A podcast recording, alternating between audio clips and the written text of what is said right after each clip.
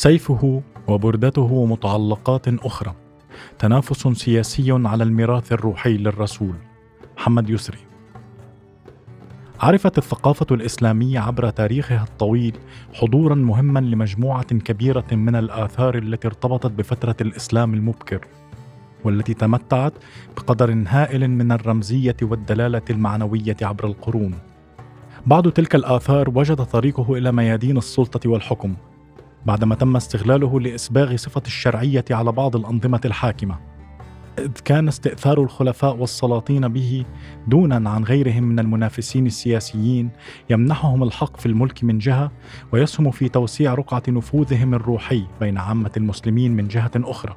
ومن هنا كان من الطبيعي أن تذكر المصادر التاريخية أخبار النزاع على تلك الآثار. وأن تتواتر الروايات التي تتحدث عن تعظيم الخلفاء المتعاقبين لها واهتمامهم الشديد بها.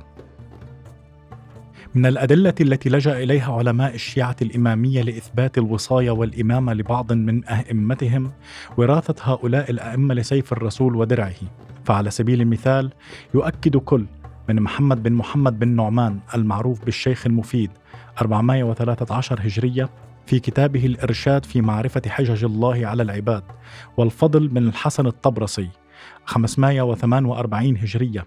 في كتابه إعلام الورى بأعلام الهدى أن الإمام الثالث الحسين بن علي كان قد استودع عند أم المؤمنين أم سلمى سلاح الرسول وذلك قبيل مسيره إلى كربلاء ولما كان يعرف بمقتله في أرض العراق. بحسب المعتقد الشيعي فأنه أخبرها بأن الإمام الشرعي من بعده هو الذي سيستلم منها هذا السلاح.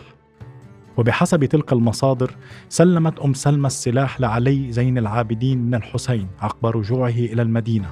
وهو الأمر الذي وجد فيه علماء الشيعة دليلا دامغا على صدق إمامة زين العابدين. أيضا تولي المصادر الشيعية اهتماما كبيرا بالقيمة المعنوية الكامنة في ذلك السلاح. الذي أضحى مثار تنافس بين الأئمة العلويين والخلفاء. فعلى سبيل المثال يذكر الحسين بن حمدان الخصيبي 358 هجرية في كتابه الهداية الكبرى أن الخليفة الأموي عبد الملك بن مروان حاول أن يجرد علي بن الحسين من ميراثه الروحي. فطلب منه أن يشتري سيف الرسول ودرعه مرارا وتكرارا وألح عليه في هذا الطلب وعرض عليه مبالغ ضخمة.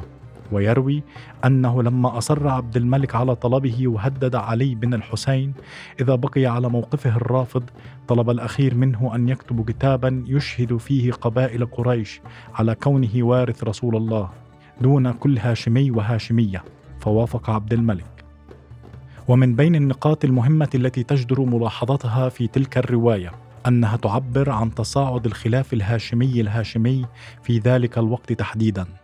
بدليل أن زين العابدين اشترط على عبد الملك الاعتراف بكونه الوارث الوحيد لسيف ودرع الرسول وهو ما يؤكد على وجود صراع قوي على الزعامة الروحية في المعسكر الهاشمي في تلك الفترة. مثلت البردة التي أهداها الرسول للشاعر كعب بن زهير بن أبي سلمى واحدة من أهم الرمزيات المرتبطة بالسلطة إلى الحد الذي دعا بعدد من الدول للتنافس عليها. كعب كان من الشعراء الذين عرفوا بتوجيه النقد اللاذع للإسلام والرسول لدرجة أن الرسول بعد فتح مكة عام ثماني هجرية أهدر دمه وأمر المسلمين بقتله. في تلك الفترة أرسل أحد أصدقاء كعب برسالة له ودعاه فيها إلى الإسلام فقال إن كانت لك في نفسك حاجة فأقدم إلى رسول الله فإنه لا يقتل أحدا جاءه تائبا. وذلك بحسب ما يذكر ابن عبد البر 463 هجرية في كتابه الاستيعاب في معرفة الأصحاب. وبالفعل قدم كعب على الرسول متخفيا وأسلم بين يديه.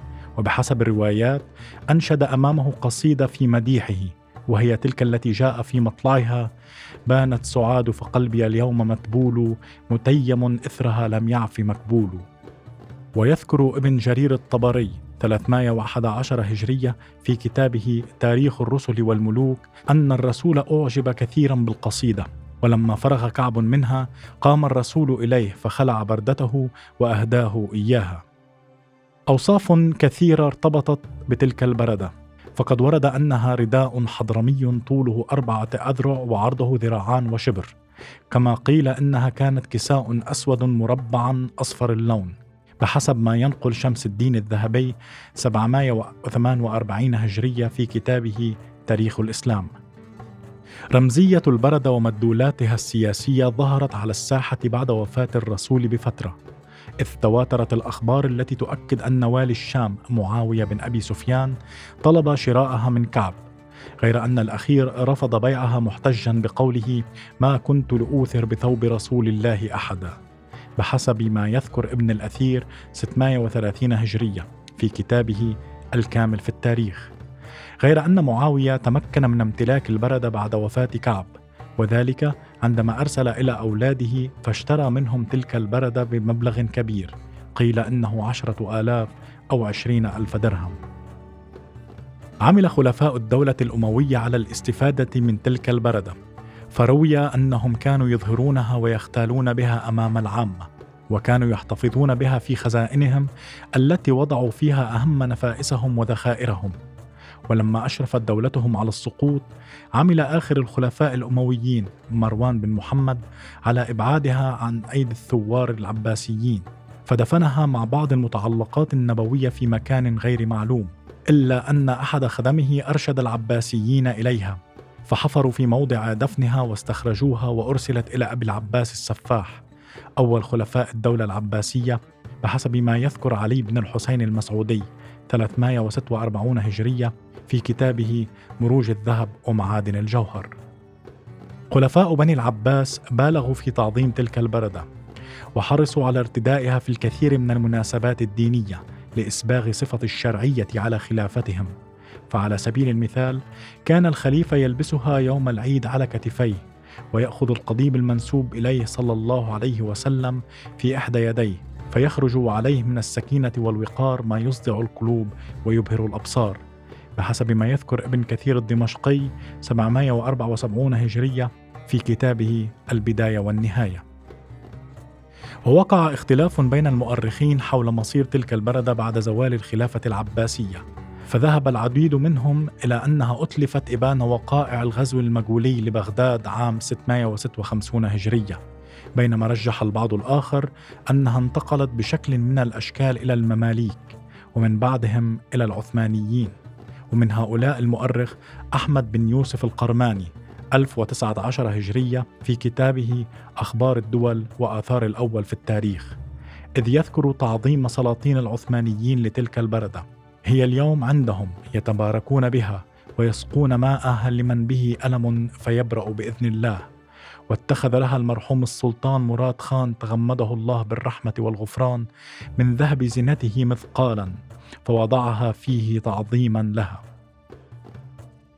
قامت الدولة المملوكية في مصر وبلاد الشام في منتصف القرن السابع الهجري وبحث سلاطينها عن كل وسيلة ممكنة لإضفاء صفة الشرعية على حكمهم.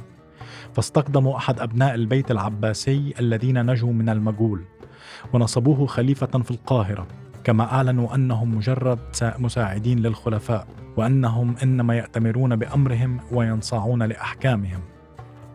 وفي السياق نفسه جمع المماليك العديد من الآثار المنسوبة إلى الرسول وحفظوها في مسجد أثر النبي في مصر القديمة. والذي بني في عهد الناصر محمد بن قلاوون في بدايات القرن الثامن الهجري الرابع عشر الميلادي.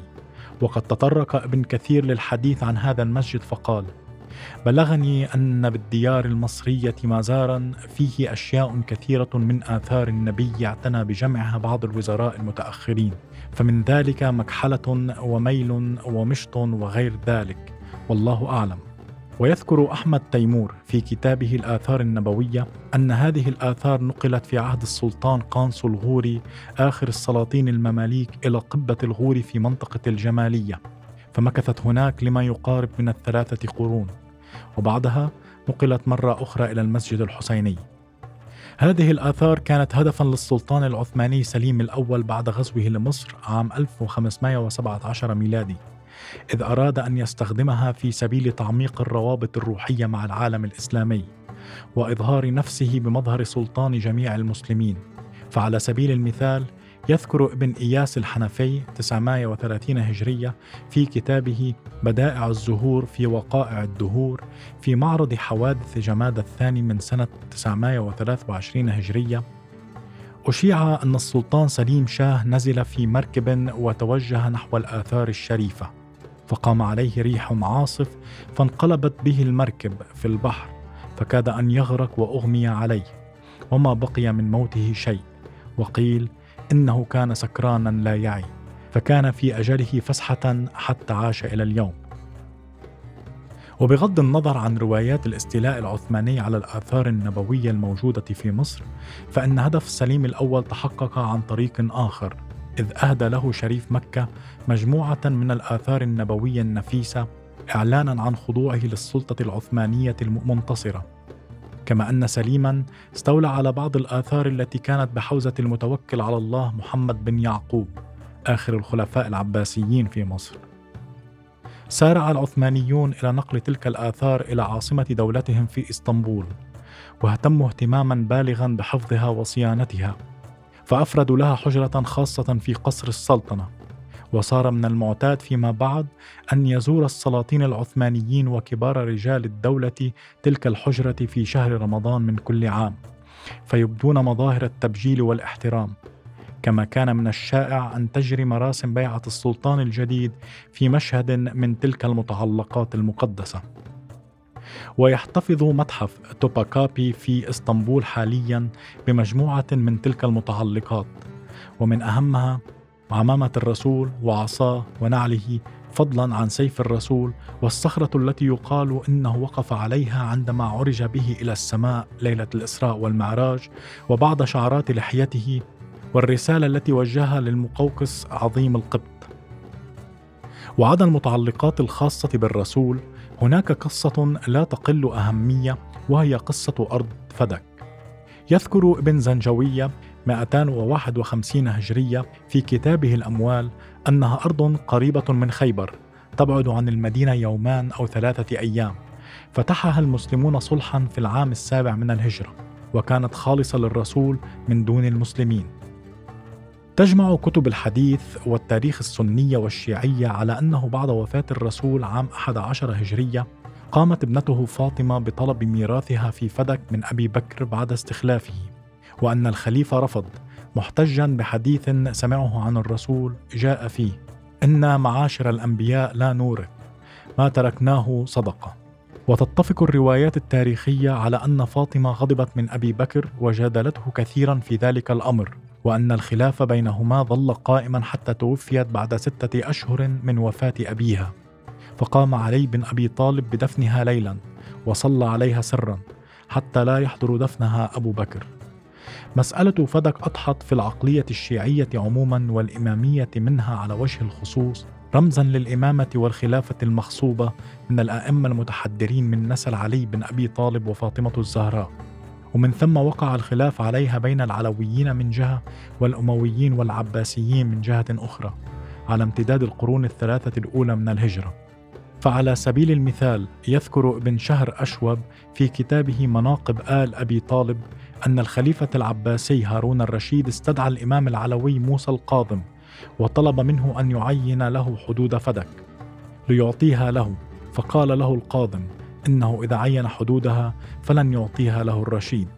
ولما ألح عليه الخليفة أخبره القاضم أن حدودها من أفريقيا غربا إلى سمرقند شرقا ومن أرمينيا شمالا إلى عدن جنوبا.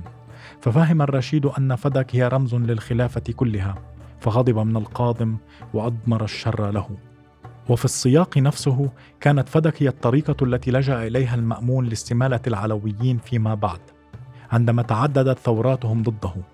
يذكر كل من اليعقوبي وابن الوردي في تاريخهما أن المأمون رد فدك إلى العلويين عام 217 هجرية 832 ميلادية فسلمها إلى كل من محمد بن يحيى بن الحسين بن زيد بن علي بن الحسين بن علي بن أبي طالب ومحمد بن عبد الله بن الحسن بن علي بن الحسين بن علي بن أبي طالب.